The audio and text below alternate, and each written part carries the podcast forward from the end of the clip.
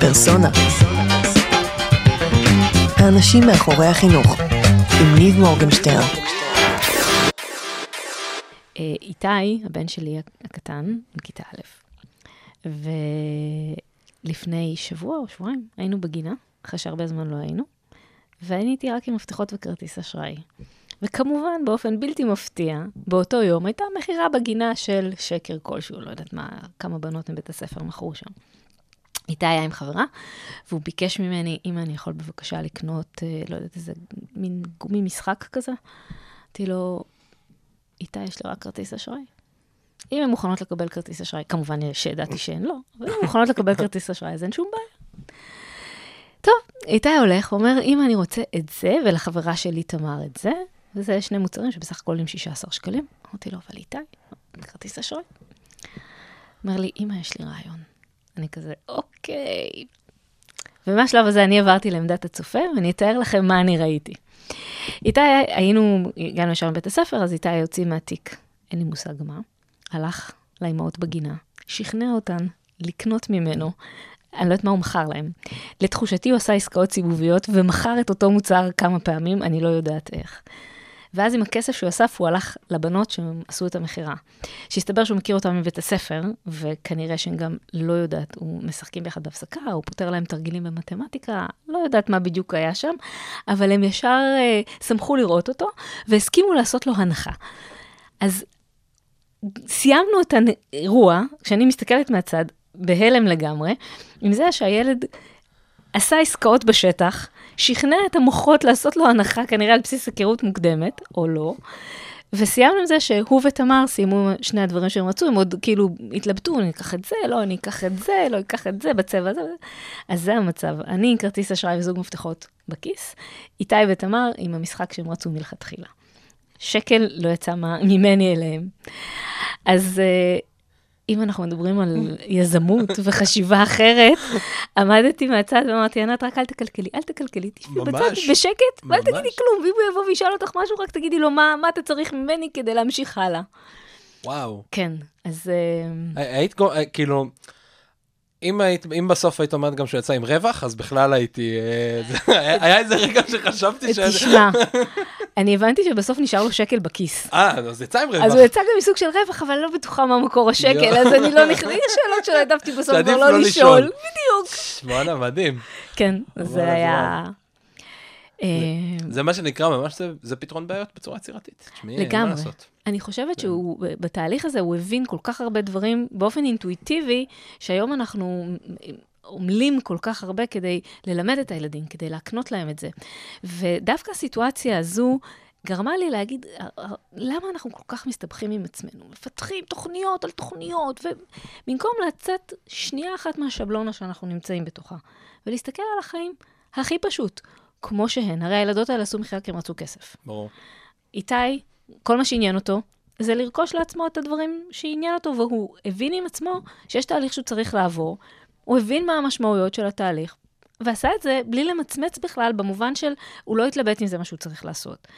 once הוא התחיל, הוא, הוא נתקל בכל מיני קשיים, כי האימא הראשונה לא קנתה ממנו. כן. וגם לא השנייה. השלישית כבר כן. אז הוא היה צריך להתמודד עם, עם התהליך, אז הוא היה צריך לתמחר. כי אני לא יודעת איזה שטות הוא הוציא מהתיק, אבל זו הייתה שטות בוודאות. כן. והוא היה צריך לשכנע אימא לקנות ממנו כסף. שזה שווה כסף. ומה שיש פה אז, זה... לגמרי. אז כל התהליכים האלה קרו בזעיר אנפין ב-20 דקות בגינה.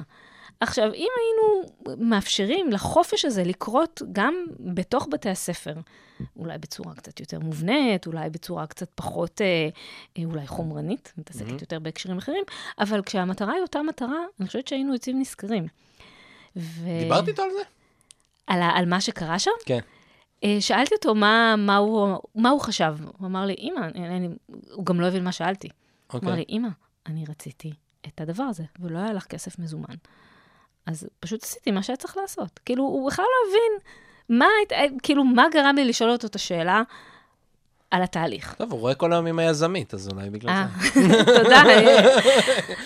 רואים משוגעת, עייפה, אבל... אה, איך אומרים? כן. הכל מהבית. הכל מהבית, כן. האמת היא שהחוש המסחרי זה מאבא שלו, לא ממני. הבנתי. אבל אה, כן, איתי הוא סוחר מהיום שהוא נולד. כשאיתי, אנחנו נקרא לך סיפור, שניים.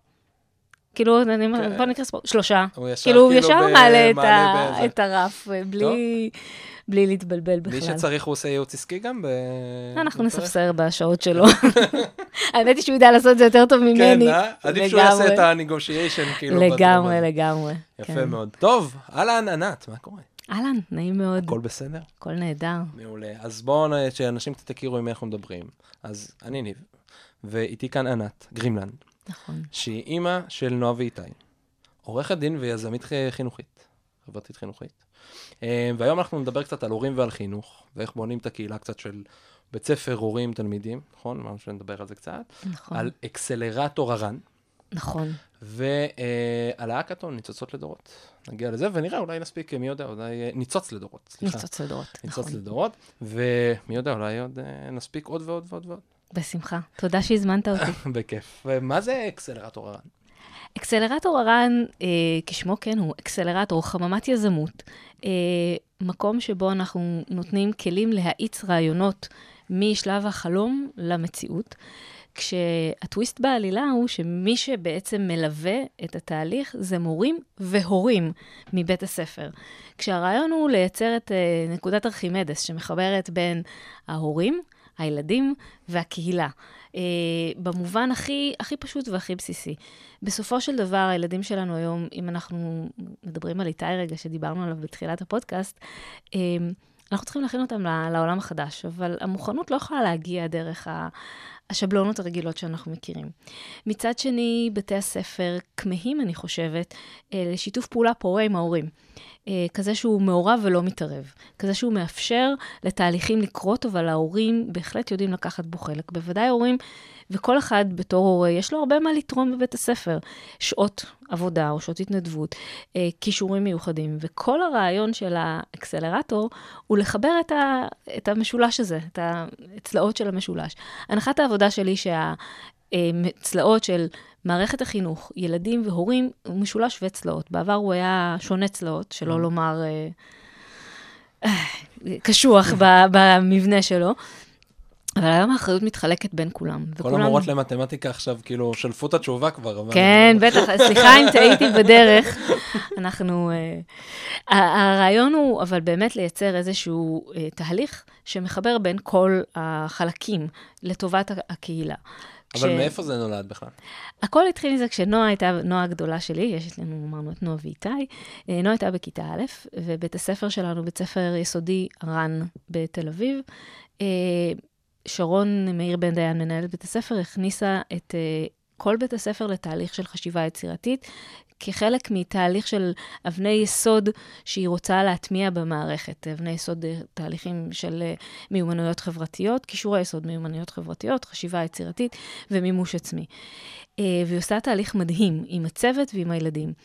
וכששאלתי אותה מה לגבי ההורים, אז היא אמרה לי, זה נכון, אבל אנחנו רק התחלנו וצריך לראות איך נתפתח. כמה ימים אחרי זה פגשתי אימא שאני מאוד מאוד מעריכה, אה, אומרת לשרון, תגידי, החשיבה היצירתית שהכנסת להם למערכת, מה זה? למה צריך את זה? למה לא מתמטיקה? למה לא אנגלית? כאילו, מה, מה זה חשיבה יצירתית בכלל? ואז בשקט הלכתי לשרון ואמרתי לה, יוסטון, we have a problem.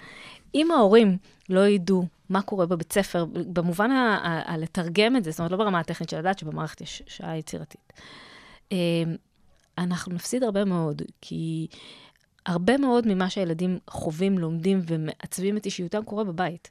ואם יהיה פער מאוד גדול בין התהליך שהילדים חווים בבית הספר לתהליך שקורה בבית, הילדים יהיו בדיסוננס, הם לא ידעו לאן ללכת. הם באופן טבעי ילכו למה שההורים עושים. ואם ההורים לא יכירו בחשיבות של התהליך שקורה בבית הספר ויעודדו אותו, התהליך יצא נפגם. ואז אמרנו, אוקיי, שאמרתי לשרון, מה צריך? אמרה לי, לא יודעת, אנחנו צריכים למצוא דרך, מה, מה את מציעה? ואין, ואין תקציב. רגע, ש- אה, אפשר לשאול שאלה? בוודאי, בוודאי. אני רק שאלה. בבקשה. אה, לשם כך התכנסנו. מי זה אנחנו? מי זה אנחנו? ההורים בבית הספר. אוקיי. מה מה זה, כל ההורים? כינסת את כולם אה, בחדר? לא, אמרתי, אמרתי לשרון, אוקיי, מה צריך? תוכנית? תהיה תוכנית. לקחתי אה, פניתי אל כמה הורים, מהמם. שאני מאוד מעריכה את דעתם, מהנהגת הורים. אה, התברכנו גם ביושב ראש הנהגת הורים, אייל לבנון, איש עם חזון ועשייה, שהוא מוביל אה, תהליכים יחד עם שרון, וגם אה, עם שאר ההורים, זאת אומרת, כ- כתהליכים קהילתיים אה, מאוד מרשימים. והזמנתי את כולם אליי הביתה. מגניב. נשנה לוקיישן, לא בבית ספר. וישבנו וחשבנו, מה, מה, מה אנחנו עושים עכשיו? איך אנחנו מייצרים תהליך שבו ההורים, המורים והילדים מעורבים. ו... שזה חלק כאילו בתוכנית שכבר מתחילה לרוץ היום בבית הספר, אני אגלה לך, זה? מה שאתה שומע עכשיו זה קרה בסוף כיתה א' של נועה, זאת אומרת, בדיוק לפני שנתיים. אוקיי. שהתחלנו לחשוב אה, אפילו לפני שנה וחצי, בתחילת כיתה ב' של נועה, אה, מה, איך אנחנו, מה, מה אנחנו עושים עם כל הדבר הזה שאנחנו רוצים שיקרה. כן. היה ערב נהדר, עם המון רעיונות. בשורה התחתונה, אה, כינסנו את זה לתהליך. הנחת היסוד שלי בתהליך הייתה שא', ההורים בבית ספר שלנו, ואני חושבת שהם סוג של מיקרו-קוסמוס לכל הורים בבתי ספר בכלל, הם אנשים עסוקים, הם אנשים הרבה פעמים עייפים. אה, הם עמוסים מאוד, הם טרודים מאוד בדברים, ולא תמיד יש להם פנאי לעשות עוד דברים עם הילדים מעבר למה שהם עושים, אם הם עושים. דבר שני, הם אנשים סופר מוכשרים, כל אחד בתחומו. הם מוכשרים בעבודות הבית, הם יודעים לתחזק בית, הם מוכשרים בעולם התוכן שהם מתעסקים בו ברמה. המקצועי, ובעולם התחביבים שלהם. ובהקשר הזה יכול להיות אדם שהוא אה, אה, ביום הוא בנקאי והוא איש מוסיקה מדהים, או ספורטאית אה, אצנית, שביומיום היא אשת קריאייטיב. זאת אומרת, יש לנו נכסים עצומים בדמות ההורים, שלא באים לידי ביטוי בתהליכים השוטפים שבית הספר עובר. וההורים העייפים והעמוסים, ו- ושלא תמיד יכולים להתפנות, יש להם הרבה מאוד כישורים, שאם אנחנו רק נבקש מהם לממש את הכישורים הטובים האלה בתוך בית הספר, הם, הם יצמחו קדימה, זאת אומרת, זה כולם ייהנו מהעניין הזה. אז הנחת העבודה זה שההורים עמוסים, ש... הנחת עבודה שנייה זה שהם הם, הם מוכשרים, יש להם הרבה מאוד כישרונות. הנחת העבודה השלישית היא שהם המודל המרכזי שהילדים מסתכלים עליו. בגלל שהם פשוט ההורים, בבית, גם מתוקף חובותינו המוסריות להורים, אבל גם מתוקף העובדה שהילדים חיים בבית, אז הם רואים, מה שהם רואים, what you see is what you get. ויש לנו, זה הנחות עבודה בקשר להורים, הנחות עבודה בקשר לבית הספר, ספציפית בבית הספר שלנו. וזה הגעתם בשיחה כאילו ל... לא, זה בסוף התובנות ב- שאני כינסתי מתוך מהמם. הרבה מחשבות, גם הרבה מאוד אוקיי, זאת שיחות. אומרת, אני, אני רוצה רגע שנייה להבנות את זה, כי אני רוצה גם בסוף שמי שמאזין לנו יצא מפה גם עם איזשהו... אני אפילו אציע. מתכון בסוף. כן, טוב. רק בתנאי שיספרו לי איך יצאה העוגה. סגור. אז, אז התחלתם מזה שהייתה איזושהי תוכנית בבית ספר, זיהית איזשהו פער כאילו של, של צלע אחת, כמו שקראנו לזה, מתוך הורים, מורים, אה, הורים מחנכים ו, ותלמידים. התכנסתם לתובנות הזה, מיפיתם, מה שנקרא, את ה... את התהליך, המשו... את ה... לא, את הצלע. את המשולש, כן, את את הצלע. החסרה. את הצלע החסרה, איפה היא עומדת. ואז המשכנו בתהליך. ושוב, הנחות העבודה היו שאנחנו רוצים לייצר תוכנית, אבל היא חייבת להיות להתאים להנחות העבודה שדיברנו על ההורים. כן. להנחות העבודה שבית הספר בסופו של דבר הוא חלק ממערכת, והוא גמיש בתפיסה ובנכונות, אבל הוא מערכת, ובסופו של דבר שיש את הילדים. אה, ומתוך זה אמרנו, איך נייצר, ייצרנו תהליך, או יזמתי איזשהו תהליך, שמקנה להורים כלים בסיסיים בחשיבה יצירתית פרקטית. את הכלים היצירתיים האלה, עשינו את העברת את זה כאילו? כן, אני אגיד גם למה, כי אתה זוכר שאמרנו שאין תקציב. נכון, אז לא היה תקציב. אוקיי. אז, כ- בגלל, אז כשאין תקציב, אז מפשילים שרוולים ולומדים את הנושא לבד. ומאיפה את יודעת חשיבה יצירתית? אה, למדת את זה לבד, פשוט ישבתי כאילו. ולמדתי לבד, קראתי. ספרים, ראיתי סרטים, אה, הרצאות בטד, הלכתי לשמוע הרצאות של כל מיני אנשים שהמליצו לי עליהם. אה, תמליצי לנו עכשיו על משהו, את יכולה? אה? כן, אני יכולה להמליץ לכם אה, לקרוא ספרי פנטזיה. אוקיי. כי יש את כל הספרים הסטנדרטיים, תפתחו לסטימצקי, תגידו להם חשיבה יצירתית, תפתחו לכם את... Mm, מדף. אה, מדף שלם מדן אריאלי, יעקב בורק וחיים שפירא, שהם נפלאים ונהדרים, לאייל דורון יש ספר טוב. אה, לא חסרים, גם תעשו בגוגל Creative Thinking, כי יצאו לכם אה, מיליון תשובות. כן. אני מציעה את הדברים, א', היותר אה, זמינים, וב', הפחות סטנדרטיים. תראו סדרות של מדע בדיוני, תקראו ספרים עם ספרי פנטזיה, תקראו אה, כל מיני דברים שהם אחרים, אה, שאתם ביום-יום נתקלים בהם ולא חושבים עליהם, כמו למשל ספרי קומיקס.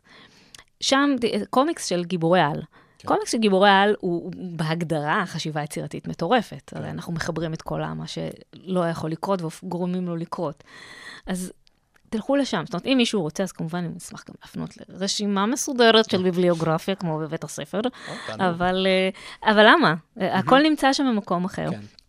אה, ואיבדתי את כל התהליכים האלה למוצר פרקטי של הרצאה של 60 דקות, של מה זה חשיבה יצירתית בגדול, מה זה לענייננו, ופרקטית. נתתי סדרה של כלים שאנחנו יכולים להשתמש בהם מתוך הבנה שזה חלק מתהליך. אז אמרנו, בעצם, אני חוזרת מאיפה זה התחיל.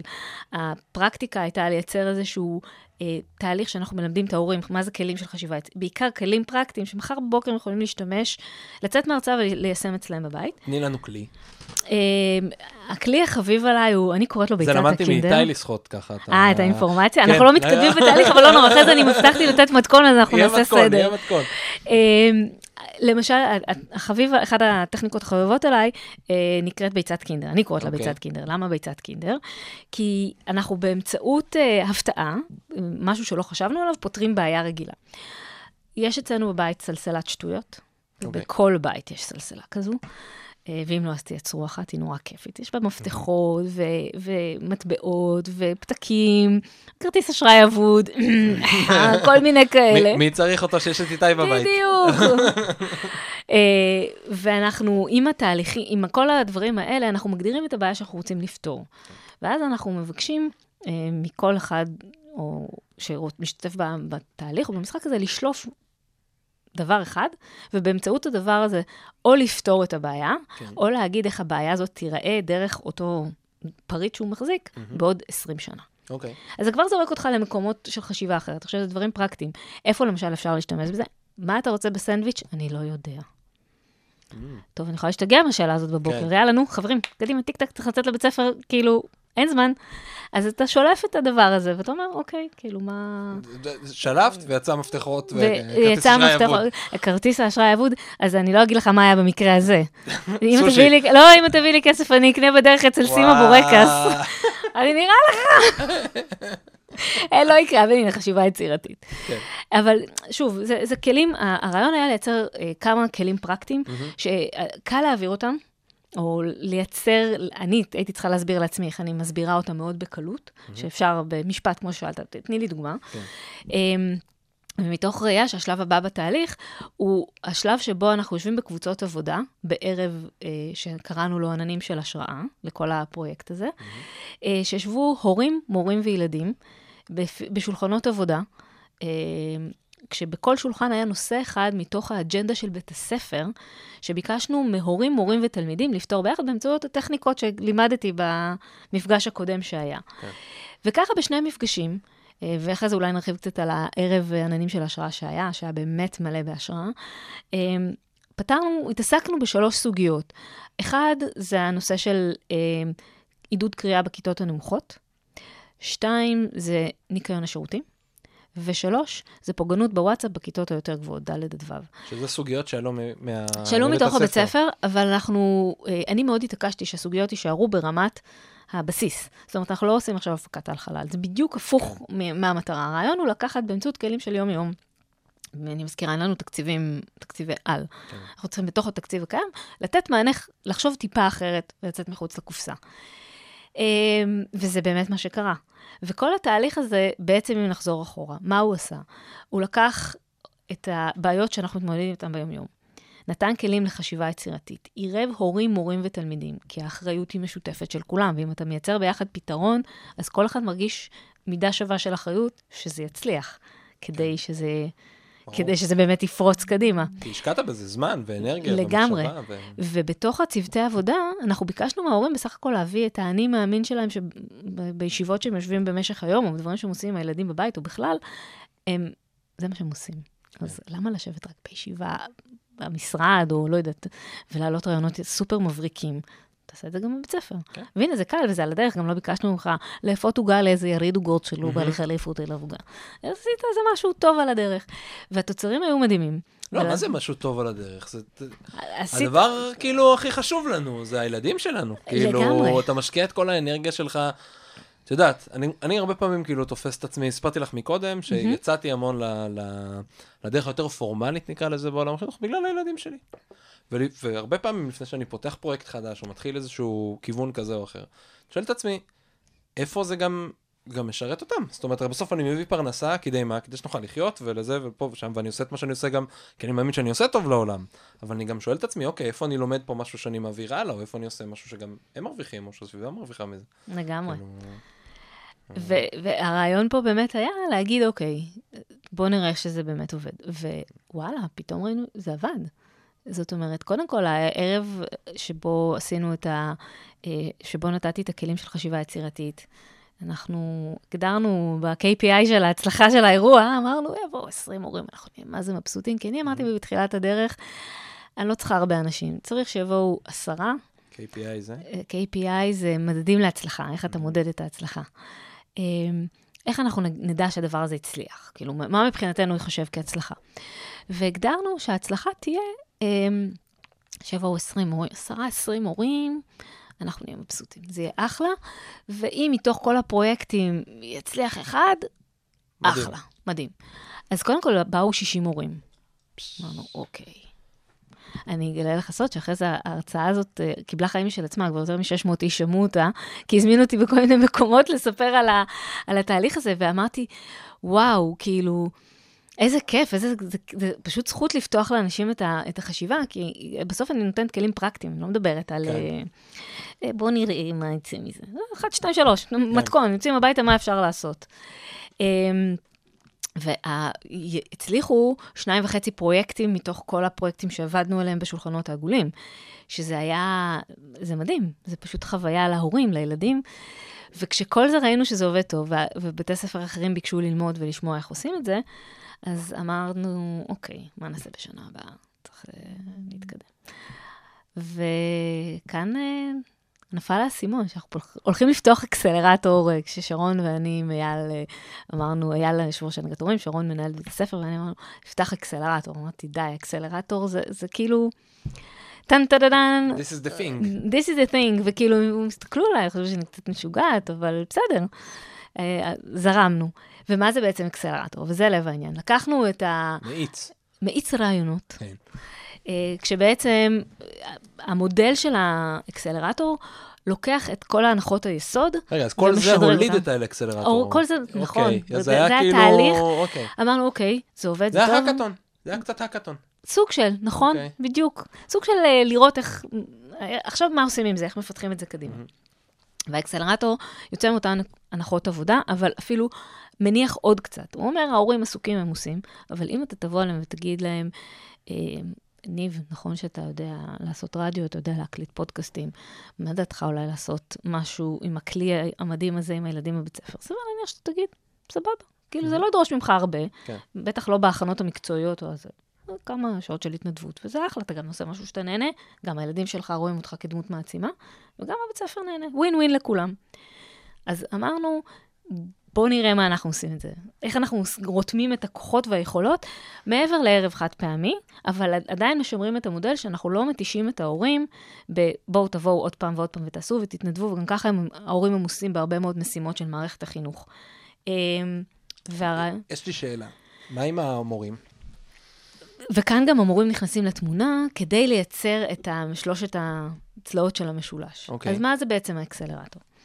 אה, אצלנו בבית הספר יש הנהגות ילדים, אני מניחה שברוב בתי הספר יש הנהגות ילדים. אה, אצלנו זה חובה מד' עד ו', כל ילד משובץ לאחת מהנהגות הילדים. קראנו לכל הנהגה אה, סטארט-אפ. Okay. אוקיי. והנהגות, אגב, זה בתחומים uh, די קלאסיים. גם uh, הילדים הם uh, בוחרים מאיפה הם רוצים להיות, שנדמה לי הנהגת uh, עיתון ומועדון uh, כתיבה, וספורט ובריאות וחיי קהילה, וכל מיני דברים שמעניינים את הילדים או שהם נוגעים בהם. Mm-hmm. Uh, ויחד איתם, עם הסטארט-אפים האלה, הכנסנו אותם לתוכנית של מאיץ רעיונות. כל הנהגה כזו, צמוד אליה אה, איש חינוכי, או איש מצוות בית הספר, שמלווה אותה על בסיס קבוע, יש שעה קבועה במערכת, שמגיעים, נדמה לי שזה כל יום ראשון בשעה החמישית או השישית, אה, והם עובדים על הפרויקטים שלהם. הרעיון של האקסלרטור היה שההורים יהיו המנטורים המקצועיים של הפרויקטים שהילדים רוצים להוציא לפועל. כי המורה שמ... או איש צוות החינוך שמלווה את uh, כל אה, סטארט-אפ, אה, עובד עם הילדים על התוכנית. זאת אומרת, הם חולמים חלומות, ואז הם מתרגמים את החלומות למטרות, את המטרות לפרויקטים, את הפרויקטים צריך להוציא לפועל. מה עושים בדרך כלל באקסלרטור? בא, בא, באים כמה יזמים עם חלום, והאקסלרטור, שזה החממה, נותנת להם את הכלים, מפגישה אותם עם אנשי שיווק, עם אנשי מנטורים. מנטורים Mhm. לכל מיני תחומים, ואז הם יוצאים לדרך עם סט כלים טוב יותר כדי ממש להוציא את המוצר לפועל. ואנחנו פשוט מתרגמים את הרעיון הזה לחיי הקהילה של בית הספר. הילדים לומדים אה, לעשות את התהליך של מרעיון למטרה, לפרויקט. הם יודעים להגדיר מה הם צריכים, ובמסגרת האקסלרטור עשינו... שזה ההורים שזה- מלמדים אותם? כאילו, חלק ההורים וחלק המורים Mhm. אה, של בית הספר שמעבירים אותם ממש את התהליך הזה. אבל מאיפה הם יודעים לעשות את זה? מי? ההורים והמורים. כי לא כל אחד, כאילו גם מורים, אני מכיר הרבה הורים נפלאים, אבל לא כולם יודעים לעשות את התהליך. נכון, אז אה, אני אולי רגע אתן את המתווה של האקסלרטור עובד, ואז נחזור אוקיי. לשאלה הזו. אה, אנחנו, במסגרת הזו, היה, אה, כאן בעצם מתחיל האקסלרטור. אנחנו עכשיו מחברים בין ההורים עם היכולות, לפי מה שהילדים צריכים, לבין מה שהילדים צריכים כדי להגשים את החלום.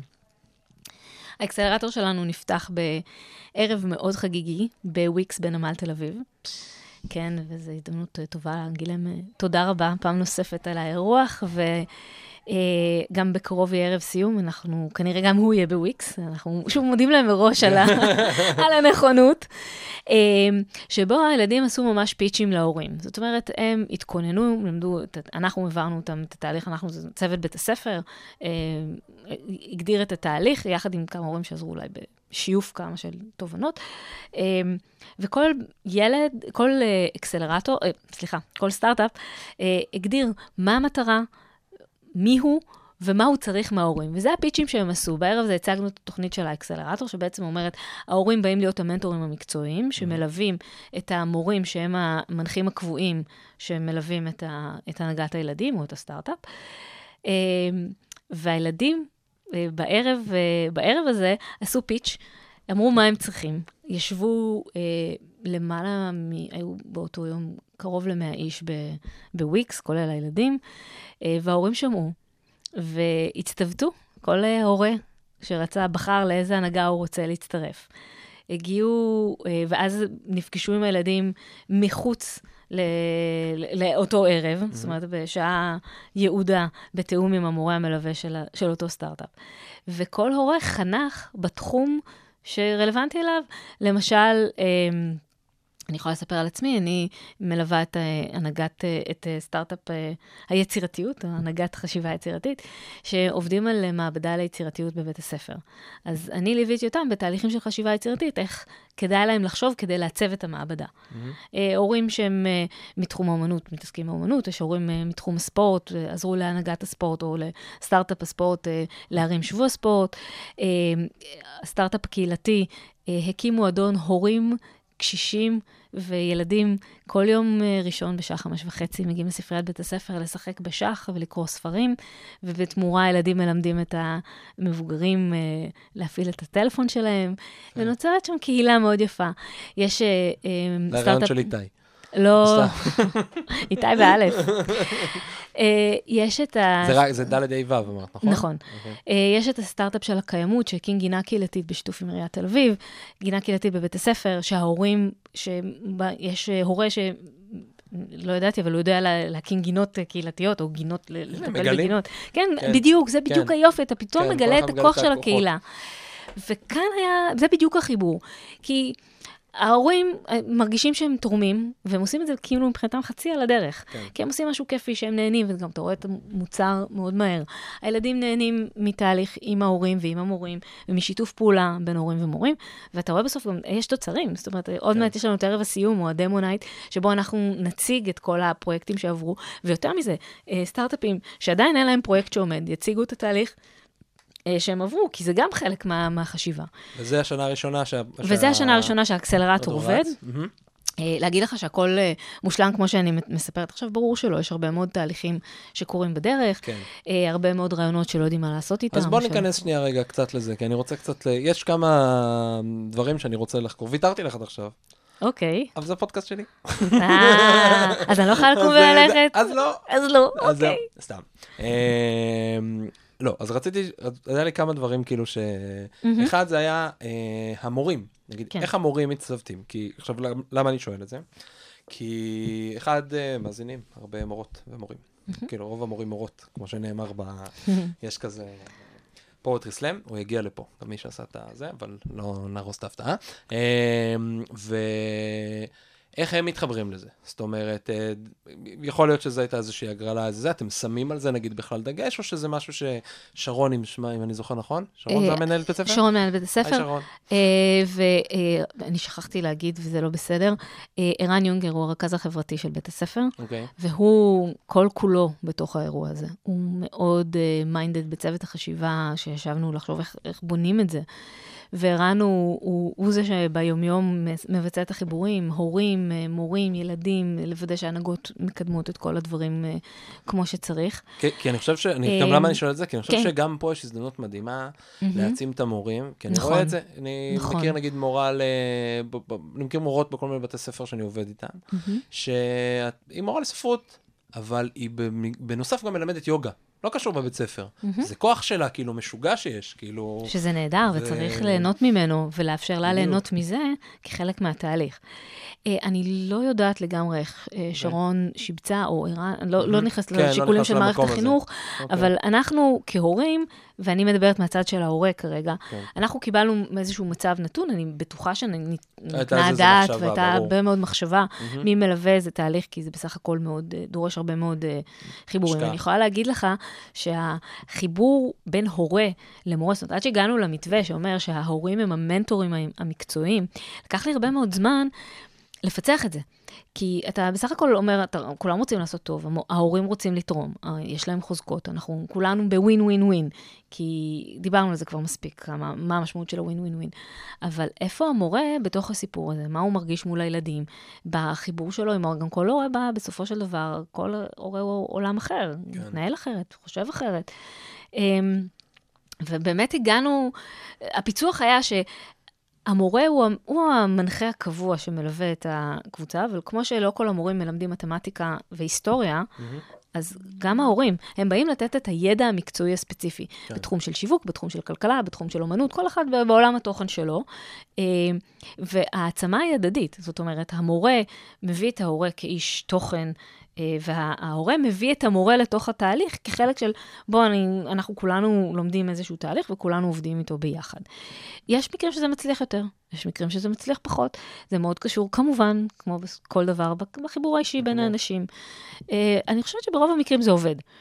גם, שוב, אני חוזרת, המתווה הבסיסי הוא לקחת הורה, לה, להעצים ולמנף את הידע והיכולות שלו בפרק זמן מאוד תחום וקצוב. זאת אומרת, הורה שמגיע, בדרך כלל הוא מגיע לשעתיים. זאת אומרת, לא, לא מעבר לזה. לכמה זמן? כאילו אחת ל... למפגש די חד פעמי, זאת אומרת, אה, אוקיי. כמובן אפשר, יש הורים שהגיעו לי יותר ממפגש אחד, יש הורים ששמרו על קשר טלפון, יש הורים שלא היה צריך יותר ממפגש אחד, אבל זה היופי בעניין הזה, זאת אומרת, שהגמישות... אני בשנה מגיע פעם אחת לשעתיים, בדיוק. ו... עשיתי משהו נהדר, יש, כן. אני רואה את המוצר מדהים.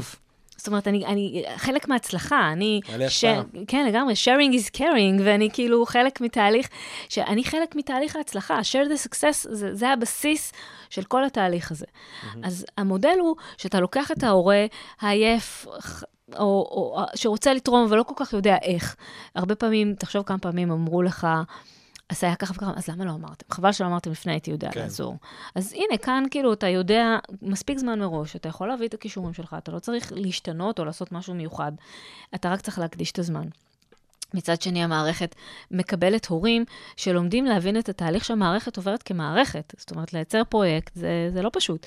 אז גם הורים שנדמה להם, אה, זה כזה פשוט, או לא נדמה להם כזה שזה כזה פשוט, פתאום חווים טעימה מסוג אחר של בית הספר. והילדים רואים את האינטראקציה ההורה-מורה. הם רואים את הערך שהורים יכולים להביא. הם מבינים את הדברים ממקום טיפה אחר. אחר. ו- ומערכה הדדית, ושיתופי נכון. פעולה. ו... ואיך פותרים בעיות, ואיך מתמודדים אם אין תקציב, ומה עושים עכשיו כשיש דדליין. רואים את העולם, בדיוק. חווים את העולם באמת, ואת בדיוק. ה... וזה, אני חושב שזה בדיוק יוצר גם את הפער המאוד גדול שיש הרבה פעמים בין שזה שני, אנחנו חיים ב- בספרות אחרות. יש את עולם הבית הספר, זאת אומרת, הילד נע, ילד, ילדה, הם. נעים כל הזמן בין הספירה של ממש, הבית ממש. לבין הספירה של הבית ספר, שהן לא תמיד מדברות אותה שפה, שהן לא תמיד, אה, כאילו, חיות בו, באותם עולם ערכים לפעמים אפילו, וזה, אני חושב שזה מטשטש את הגבולות, וזה טוב. וזו הייתה גם, אגב, המטרה. המטרה הייתה, בדיוק, זה התחיל מזה, לייצר את הגשר בין ההורים, שחווים, מכירים עולם תוכן מסוים, זוכרים בית ספר, כמו שאנחנו היינו כשהיינו ילדים, לבין הילדים שחווים היום עולם שונה לגמרי ממה שאנחנו חווינו כ- כילדים. אה, מערכת שלא השתנתה בין לבין, ואיזשהו שיח שצריך להתחיל לייצר אותו, אני, אולי נחזור רגע לתחילת השיחה. אימא סופר מוערכת, שאומרת למנהל בית הספר, אבל למה יש יצירתיות במערכת? והיא אומרת את זה ממקום טוב, לא בגלל כן. שהיא... היא פשוט חושבת שללמוד אנגלית זה יותר חשוב. אז הפער הזה גם משודר לילדים. כי ברגע שהילדים שומעים, אז, או הם מבינים, אז הבעיה היא שהם מתייחסים אותו דבר לשיעור יצירתי. זאת אומרת, זה יוצר כן. כדור שלג שאנחנו רוצים למנוע אותו מראש. וברגע שכולם הם חלק מתהליך, ואנחנו מבינים מה החשיבות של היצירתיות. אגב, זה אנחנו חוזרים לשנה שעברה, שהיה את, ה- את השעה הזאת שהעברתי על חשיבה יצירתית פרקטית. ואתה, יצירתיות כהזדמנות, זה מה שקראתי לה, להרצאה. אתה מבין את הכוח של הדבר הזה. ואז פתאום ההורים לאט-לאט, זה לא קורה ברגע, מתחילים לשנות את השפה ואת הטרמינולוגיה בהתייחסות לקונספט הזה. מקבלים אותו יותר, או מקבלים אותו אגב פחות, אבל הם יודעים ל- לתמלל אותו בעולם מונחים ומושגים שהילדים חווים בבית הספר. כן. ואז השיח הוא שיח שהוא יכול להיות מאוד לגיטימי. כן, לא, המינון, יותר, פחות, אבל לא. כולנו באותו... באותו level. באותו level של דיון. ולא מפערים שאין עליהם, ג- שהגשר לא קיים, ואז הילדים גם חווים את הדיסוננס וגם מפסידים את ההורים כדמות שיכולה לשכפל ולקחת את ההצלחה שחווים תשע רמות קדימה. כן. אוקיי, עכשיו, זה הוליד את Up Communities? אה, סוג של. Up Communities זה אה, תהליך, ש... כשהבנו שהעננים של השראה, שזה הפרויקט הראשון שהיה, שהוא בעצם תהליך שמייצר קהילה.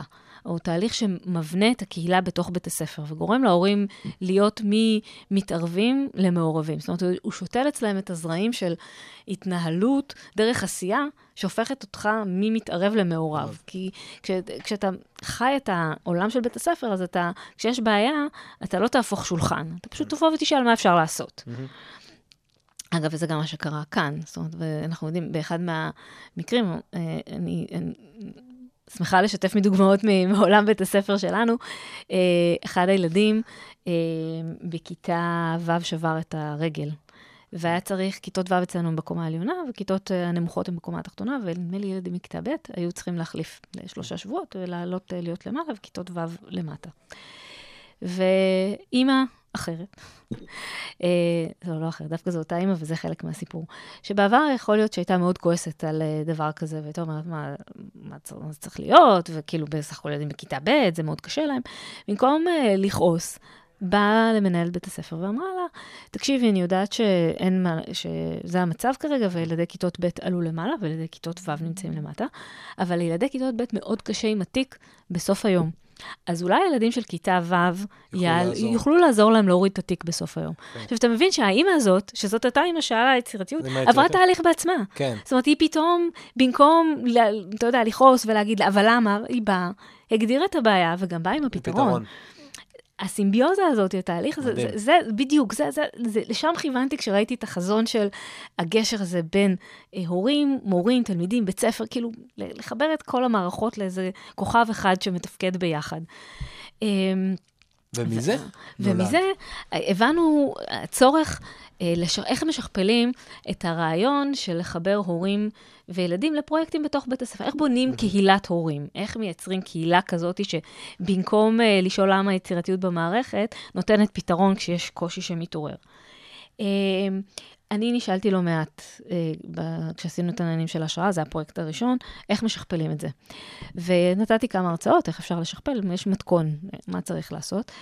אה, ואז הצעתי לאייל ושירה, שותפיי ל Up Communities, בואו נחשוב ביחד איך אפשר ללוות עוד, עוד תהליכים כן. כאלה.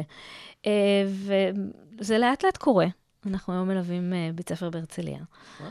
אה, כן, ויש כל מיני מחשבות איך ל- לקחת את זה לעוד מקומות. כי הרעיון הוא להפיץ את הבשורה הלאה.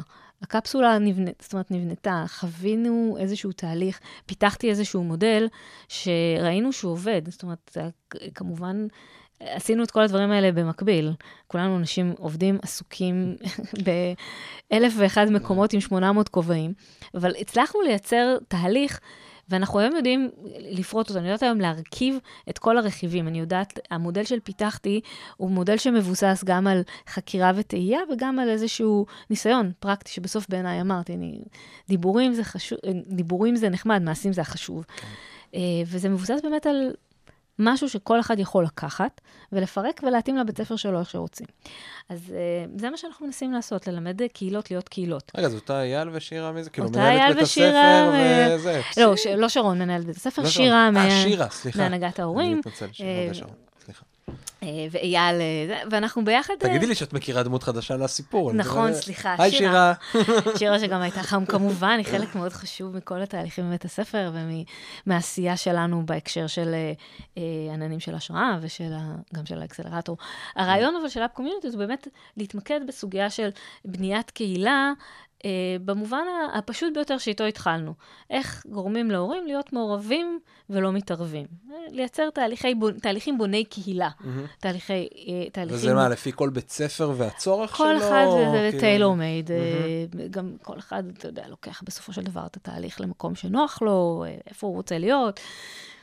מגדיר יעדים מאוד ברורים. כולם חיים באותו אזור חיוג, כן. אבל אה, כל אחד בסוף, וזה בסדר גמור. כן. אה, בית ספר בתוך קהילה הוא השיקוף שלה, הוא הלב הפועם של הקהילה, הוא השיקוף של מה שקורה בתוכה. כל קהילה היא קהילה אחרת, וזה בסדר גמור.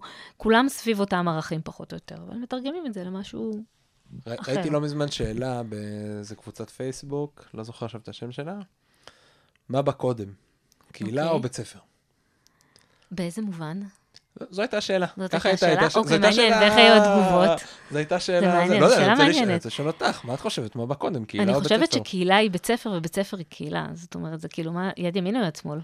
יד ימין היא היד החזקה אצל חלק מהאנשים, ויד שמאל היא היד החזקה אצל חלק מהאנשים. זה כל קהילה, זאת אומרת, יש פה... והסיפור שלה. והסיפור שלה, הרעיון הוא לוודא שיד ימין ויד שמאל מדברות. שהן יודעות לעבוד ביחד, שכשיד ימין עושה משהו, יד שמאל לא כן. יוצאת מהתמונה. כי אה, אני, אני, אני חושבת שבסופו של דבר, הבית ספר, כשהצלצול, לא יודעת מתי מסתיים, באחת וחצי, רבע לשתיים, הצלצול האחרון נשמע, הבית ספר לא נסגר. הילדים נשארים לצהרון, הילדים הגדולים נשארים לשחק במגרשים, בחלק מבתי הספר יש כל מיני פעילויות אה, של שיעורי בית או העשרה או דברים כאלה. הבית ספר ממשיך לתפקד כמרכז החיים של הקהילה. גם לפחות בישראל ואיפה שאני מכירה, בתי הספר הם פיזית נמצאים מאוד בלב הפיזי של הקהילה שמקיפה אותם. כן. אז יש להם משמעות, הם, הם צריכים להמשיך לפעול, הם חייב, וחייבים לייצר איזשהו קשר בין קהילה לבין בית הספר. לחבר אותו, להדק אותו. יש היום, אני חושבת, קצת אה, הצפה של המונח קהילתיות וקהילה ומנהלי קהילה וכל מיני כאלה, אבל אני חושבת שבסופו של דבר זה אה, סוג של אה, אותה גברת בשינוי אדרת, הדברים שכולנו הכרנו בשמות אחרים פעם. אה, קראתי באיזשהו מקום, אני מתנצלת, לא זוכרת איפה, שאנשים שוכחים, אבל מנהל קהילה היה בקיבוץ כבר לפני 40 שנה, וגם לפני 30, 50 ו-60 שנה. אז קראו לו מזכיר קיבוץ. כן. מזכיר הקיבוץ היה מנהל הקהילה קהילה. הראשון שאנחנו מכירים אותו נכון. בתפקידו כמנהל קהילה. הוא הכיר באמת את פרטי הקהילה, אבל הוא גם אז, כמו היום, בתור מנהל קהילה, הוא הכיר את הצורך של הקהילה כקהילה, לא רק של הפרטים בתוך הקהילה. והכוח שלו היה ההבנה והיכולת לחבר את הנקודות שמייצרות את הכוח הקהילתי. זאת אומרת, לא רק מה עוזי צריך ודינה רוצה, אלא מה הקיבוץ כקיבוץ צריך. יכול להיות שאפשר היה לחלוק על דעתו, יכול להיות שזה לא תמיד ההחלטות שלו היו נכונות, אבל הוא ניהל את זה כקהילה, וזה הבסיס, גם זה מה שקורה היום. זאת אומרת, זה, זה, זה, זה הכוח של קהילה. אז אפשר לחזור קצת למקורות וללמוד איך עשו את זה פעם, ו... כן, אפשר לחזור גם, לדעתי זה היה תומאס הובס, באזור 1500, שהוא גם כן דיבר על קהילה קצת. אני ו- חושבת שזה, כן, היום הכל לא סוג. של... כן, כן, כן, לגמרי. זה- אגב, אני חובבת היסטוריה. אני מאמינה עוד, שמי שמכיר את ההיסטוריה, אני מתעסק, כאילו מתעסקת, כן, אני קוראת וחוקרת את uh, 1929 עד 1939 באירופה, ואני חושבת שהרבה מאוד תהליכים חברתיים, כלכליים, אני לא מדברת אפילו על התהליכים הפוליטיים, זאת אומרת, כן. על התהליכים הלווייניים שקורים בחברה, uh, בכלכלה, בתרבות, בספרות, בעיתונות. הם שיקוף ראי להרבה דברים שקרו ועוד יקרו. זאת אומרת, מי שמזהה תהליכים, ההיסטוריה חוזרת על עצמה. ודרך הלוויינים האלה של כל מה שקורה בתרבות ובכלכלה ובחברה, אפשר לצפות מה יקרה. לראות אותו אחורה ולצפות אותו קדימה. לגמרי, ולהבין בדיוק, זאת אומרת, לזהות את אותם דברים שקורים. אז להבדיל אלף אלפי הבדלות, אני אומרת כן. שגם בתהליכים של חיים של קהילה, היו פה קהילות פעם. זאת אומרת, ברור. אנחנו לא המצאנו את הגלגל, נכון. למרות שיש נטייה להרגיש ככה בחלק מהמקרים. כי נולדה הקבוצה בפייסבוק, בדיוק. ואפשר לרשום community, אז... אה, ויש, ויש אנשים שמקבלים כסף על להיות community manager. וזה בסדר uh, גמור, אגב, שהם מקבלים, כי הם עובדים לא, אין לי שום בעיה עם זה. קשה מאוד. זה אני... אחלה, רק זה לא אומר שהמציאו את המובן של נכון, עולם הקהילה. וזה טוב ללמוד ממה שהיה. זה נהדר, יש הרבה נכון. דברים שאפשר... אה, את צריכה ללכת לזה, יש פודקאסט על קהילות מגניב שנקרא CommuniCast. אוקיי. הנה, בבקשה. למדתי משהו חדש. קודם כל, אחלה פודקאסט להאזין בו, וגם הזדמנות ל... אני, אני אמליץ עלייך שתנחי, את יכולה להתראיין גם שם. טוב, אבל אם, אם דיברנו על 1929 אה, קדימה, אז אנחנו, לא, כי זה נופל איפשהו בטווח תאריכים של... כן, כן. אה... האמת היא שזה היה רמה להנחתה בלי להרגיש כן. אפילו. חשיבה יצירתית נסגרת לנו. לגמרי. אמ, אם, אם הפודקאסט, דרך אגב, היה בעריכה, אז עכשיו אה, אמרת, כאילו, ההיסטוריה, אז עכשיו היינו שומעים את רבותיי, ההיסטוריה, אני לא אשאיר. טן טן, שום דבר. אז עכשיו אנחנו נלך ונדבר על ניצוץ לדורות. ניצוץ לדורות. זה הקטון. נכון. לא אקסלרטור. נכון. זה האח הקטן, הגדול, אני לא יודעת, אה, של האקסלרטור. כן. לא, זהו, אז, אז דיברנו ב... בטלפון לפני כמה שבועות על עכשיו, אז אמרתי, שמע, יש איזה משהו שאני... אני עושה ככה, ככה, ככה, בסוף אמרתי, אה, אני גם מנכ"לית של איזה חברה. ו... ו... ואז אמרתי, יש עוד איזה משהו ואני לא יכולה לדבר על זה, ואז איזה שב... שבועיים, שלוש אחרי זה, ראיתי את זה באיזה קבוצת, אה... לא זוכר, באחת הקבוצות שאנחנו חברים יחד, אני כבר לא יודע, חינוך ביזמות, יזמות לחינוך וזה, קפץ... אה, ילדים ניצוץ, אה... ניצוץ לדורות. נכון. אז מה זה ניצוץ לדורות? ניצוץ לדורות זה אה, האקתון. אנחנו ארבעה אה, חברים שותפים, אה, ארז אה, גביש, נתן לייבזון ואלון רפפורט. זה התחיל בשיחה של אלון וארז ונתן על איך זה שאין... איך זה שאין פה משהו שמתעסק בטכנולוגיה שעוזר לניצולי שואה ועוסק ב, ב, בעולמות התוכן האלה? אנחנו start-up nation, כאילו, מה, אף אחד לא טיפל בזה? אף אחד לא עשה עם זה משהו? ומהון להון, אה, קיבלתי טלפון של אה, בואו נעשה משהו ביחד. וישבנו וחשבנו, ונולד האקתון, שהמטרה שלו היא לייצר פתרונות טכנולוגיים לסוגיות מחיי היומיום של ניצולי שואה, של אה, עולמות התוכן ועולמות התוכן של חינוך ושל הנצחה, מתוך הבנה שעוד מעט לא יהיו פה ניצולים. והעולם הזה ייראה אחרת בלעדיהם. ואנחנו צריכים להיערך כבר היום ליום שאחרי.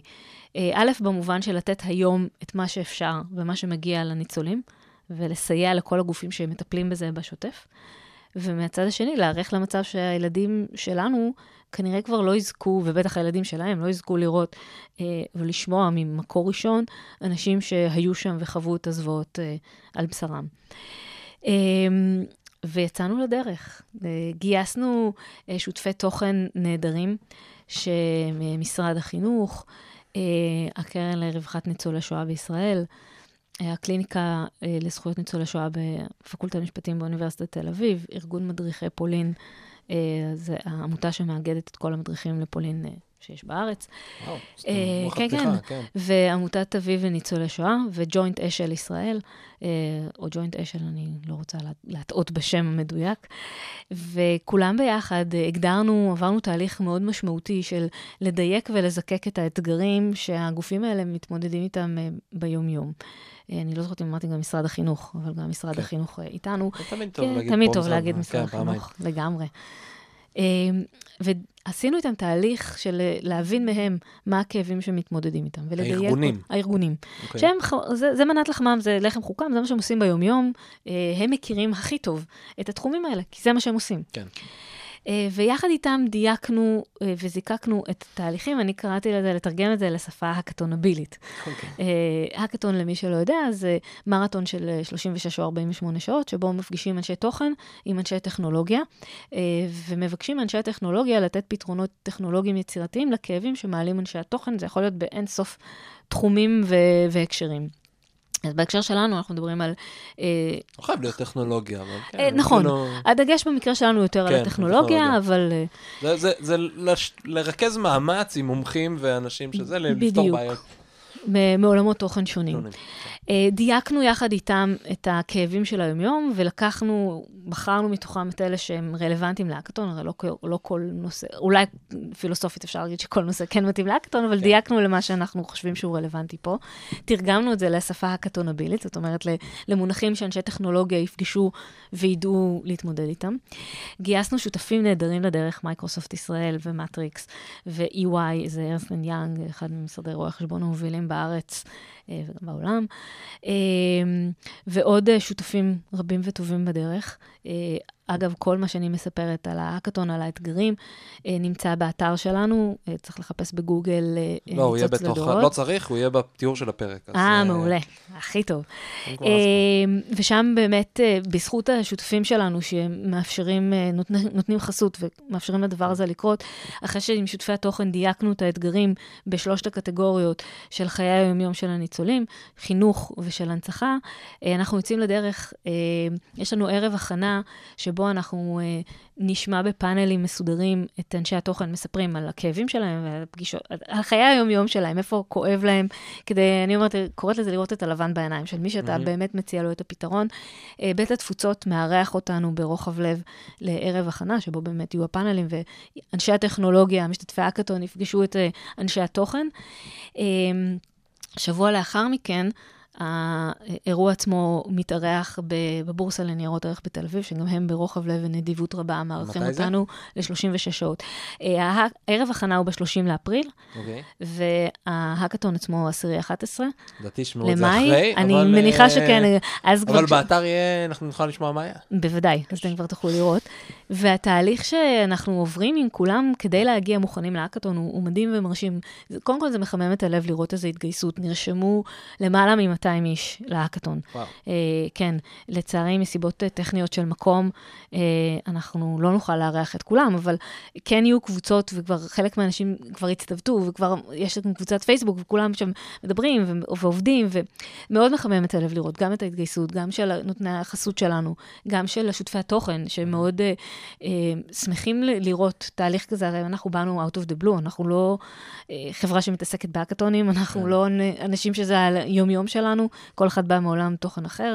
שותפים שלי מדהימים, הם יזמים, הם מה- מהאקוסיסטם, אבל זה לא מה שהם עושים בשוטף, וגם אני לא. וכולם התגייסו כדי שזה יקרה. זאת אומרת, אני ממש מרגישה שכולם שמו כאן כתף, ליטרלי, כן. כדי שזה יקרה. כי זה לא, לא פשוט להרים כזה אירוע. זה לא פשוט uh, לייצר כאן איזשהו תהליך שבאמת קורה. וזה מאוד משמח שזה, שזה כן יוצא לדרך. ו- אה, ויש אה, בתוך, אמרת שיש שלושה תחומים. נכון. אמרנו חיי יום-יום, חינוך. הנצחה וחינוך. נכון. אה, דרך אגב, מה ההבדל בין הנצחה לחינוך? זאת אומרת, איפה ה... אמ, חינוך הוא עוסק ממש בהעברת התהליכים לבני נוער. אה, משרד החינוך, מינהל חברה ונוער שהם השותפים שלנו, אה, מינהלת פולין, מתעסקים בלהוציא משלחות לפולין, בהכנות, אוקיי. בתהליכים האלה. אז אנחנו, למשל, אחד האתגרים זה לייצר תהליכי מדידה אפקטיביים לתהליך המסע לפולין. כן. אה, משרד החינוך משקיע המון אנרגיה ומשאבים, והם רוצים לוודא שהתהליך הזה הוא באמת עונה על כל המדדים שהם מציגים. מה זה יותר אה, הנצחה? אה, והנצחה זה למשל, אה, איך אנחנו מספרים על קהילות שהיו לפני השואה. כולנו עוסקים היום בעולמות תוכן שקשורים בשואה ובקהילה שחרבה. כן. והיום יש נטייה, ובעיניי, לטעמי האישי, בצדק רב, להכיר את הקהילות שהיו לפני. כן. כי זה עולם שהיה ונעלם. ואם אנחנו לא נשמר אותו, אני תמיד אומרת, זה חי כל עוד אנחנו זוכרים. כן. אז לייצר איזשהו תהליך שמעצב זיכרון סביב התהליך הזה של מה היה בעבר, איך נראו הקהילות האלה בעבר. היום גם יש אפשרויות מדהימות של לעשות אה, ויזואליזציה ו-VR, דברים באמת אה, מהממים. וכשהייתי בצבא, יצאתי לילדים במדים. אוקיי. זו הייתה חוויה מדהימה. אמ, ובמסעות הכנה שעשינו, זה אחד הדברים שהמדריכים, ואמרו לנו כל הזמן, אתם רגילים לדבר על השואה ולדמיין את השואה בשחור ולבן. אבל זה לא היה ככה, זה היה צבעוני. זאת אומרת, נכון. זה, זה, עכשיו, זה נשמע כמו משפט מפגר, אבל זה לא, כי אנחנו, לפני שאתה נוסע לשם, לפני שאתה רואה את הדברים גם בעיניים, אתה מדמיין את הכל גם בשחור ולבן, כי זה מה שאתה מכיר. זאת נכון. אומרת, אפילו שפילברג בזה, זה בשחור ובלבן. ואתה מגיע לשם, ורגע, ובמקום הנורא הזה שקרו בו דברים כאלה נוראים, יש עצים ירוקים. ויש, אה, ויש. בתים, ויש ציפורים, לפעמים, ולפעמים לפעמים. אין. כאילו, זה נשמע כן. מצחיק, אבל לפעמים אין ציפורים במקומות שקרו דברים, אה, לדעתי ביער לופוחובה, אני חושב, אתה מגיע למקום שבו, ואין ציפורים. כאילו, לא שומע, אתה לא שומע כלום, וזה גם כן אבל כן. זה יער וירוק, ויש בתים עם גגות אדומים, ויש, זאת אומרת, המציאות הייתה בצבע. אנחנו זוכרים בשחור ולבן, אבל המציאות הייתה בצבע, וזה, זה נכון מאוד. הזיכרון הוא, הוא, הוא אחרת, אה, אין אפס. אה, וואו, זה מדהים, אז זה ממש קורה עוד רגע. לגמרי, ו- ואנחנו כולנו בשיא ההכנות. וההתרגשות, אה, ובצדק. כי זה באמת אירוע מאוד וואו. מרגש, כי בסופו נכון. של דבר, אה, אה, אבא שלי הוא בן ש... לדור שני ניצולי שואה, אז הסיפור הזה פוגש אותי מה, מהבית. אה, כן. הרצון להכיר ולייצר אה, בשביל הילדים שלנו, אגב, גם בשביל העולם. זה לא רק אה, לגמרי. בשביל הילדים שחיים במדינת ישראל. תהליכים שמצדיקים היכרות עם מה שהיה, כדי שלא יקרה עוד, לא רק לנו, גם לכל האחרים. חד משמעי. תשמעי, אצלי זה, זה נוגע מאוד מאוד קרוב, כי אני גם, משני הצדדים שלי, מה שנקרא, שני הסבים, שני הסבתות שלי, זיכרונם לברכה, אה, שורדי שואה. אה, היו שורדי שואה, וסבא שלי, זיכרונו לברכה, ממש לפני כמה שבועות נפטר אה, אוי, בגיל 97. משתתפת בצערכם. תודה, ממש בגיל 97, וזה על סף הדמעה, מה שנקרא, זה מדהים, ושיהיה בהצלחה, וכל דבר שאני אוכל לעזור, תגידי לי אחרי, ובשמחה רבה. תודה רבה. Um, אני אקדם ויעזור, ושיהיה לכם בהצלחה, ואני מחכה כבר לשמוע אחרי זה לאן הדברים uh, רצים והולכים. בשמחה. Uh, ענת, תשמעי, הזמן רץ שננים. לגמרי. והספקנו לדבר על הרבה, היה עוד משהו אחד, אבל uh, נשמור את זה אולי להזדמנות אחרת. פודקאסט הבא. בדיוק. Uh, ואני רוצה להשאיר אותך עם uh, שאלה אחרונה. יש לי שאלה זהה שאני שואל את כולם. שלב השאלה הזהה. שלב השאלה זהה. יס. Um, אם יצא לך לשמוע את הפודקאסט, יודעת מהי, ואם לא, אז uh, זה תמיד כיף שיש הפתעות. האמת היא שאתה תצטרך להפתיע אותי. בבקשה, הכי כיף. Um, אז יפה, אז שאלה מאוד פשוטה. אם לא היה לך שום מגבלה של זמן ותקציב, מהמם. איזה בית ספר היית בונה? מקימה. עכשיו, go wild. go be wild? creative, לכי, ל- ל- תעשי תרגיל ביצת הקינדר. אה, אני הייתי מקימה בית ספר מודולרי. שזה אומר שבית הספר הוא, בהנחה שאנחנו מדברים על 12 שנות לימוד, נניח מכיתה א', בסדר? אני לא מתייחסת מ- אוקיי. לכיתות הגן, כיתות הגן לדעתי בסדר, פחות או יותר במתכונת שלהם היום, בערך. אה, שכל שנתיים הילדים עוברים, הבית ספר נמצא במקום אחר ומלמד כישורים מזווית שונה. ואז יש בית ספר שנמצא בתוך מפעל, אוקיי. אה, ובית ספר שנמצא בתוך שמורת טבע, ובית ספר שנמצא בתוך בנייני ממשל, ובית ספר שנמצא בתוך שדה תעופה. אה, כל מיני לוקיישנים שכבר קיימים, לא צריך לבנות את הבית ספר, פשוט צריך להכשיר חלק מהמרחב שקיים היום לבית ספר. והלמידה תהיה בתוך כיתות שמתקשרות עם מה שקורה מסביבן בחוץ. זאת אומרת, לומדים מתמטיקה ולומדים מדעים ולומדים היסטוריה וספרות ושירה ותנ"ך, ולא יודעת, כל המקצועות, אה, בעיניי כולם מקצועות ליבה, בסדר? להגיד על ספרות שהוא לא מקצוע ליבה זה בעיניי חטא גדול. אה, ואני לא- עשיתי בגרות גם הומנית וגם ריאלית. אבל צריך להבין שהכל הוא ליבה, הכל מייצר את מי שאנחנו. אדם הוא תבנית נוף מולדתו, ואם נוציא מהתבנית הזאת את הספרות וההיסטוריה, או את המתמטיקה והמדעים, זה בעיה. אבל כשאתה תשים את זה בתוך location, זה יקבל את ה context הנכון. אתה גם תיתן לכל ילד את ההזדמנות אה, להתפתח בכיוונים שמעניינים אותו, וזה יהיה מאוד מעניין ללמוד אה, שירה במפעל של אינטל. זה פתאום יקבל משמעות אחרת. או ללמוד מתמטיקה ופיזיקה בבית ספר שממוקם בשמורת טבע ליד הים.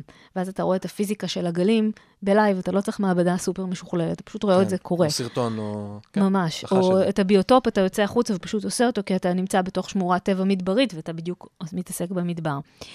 היופי של הדבר הזה, זה שאתה לא צריך להשקיע משאבים, הכל קיים, רק צריך להכשיר את זה. אתה צריך, המשאב המרכזי זה להשקיע בבניית תוכנית חינוכית, שיודעת להיות אדפטיבית לדברים האלה.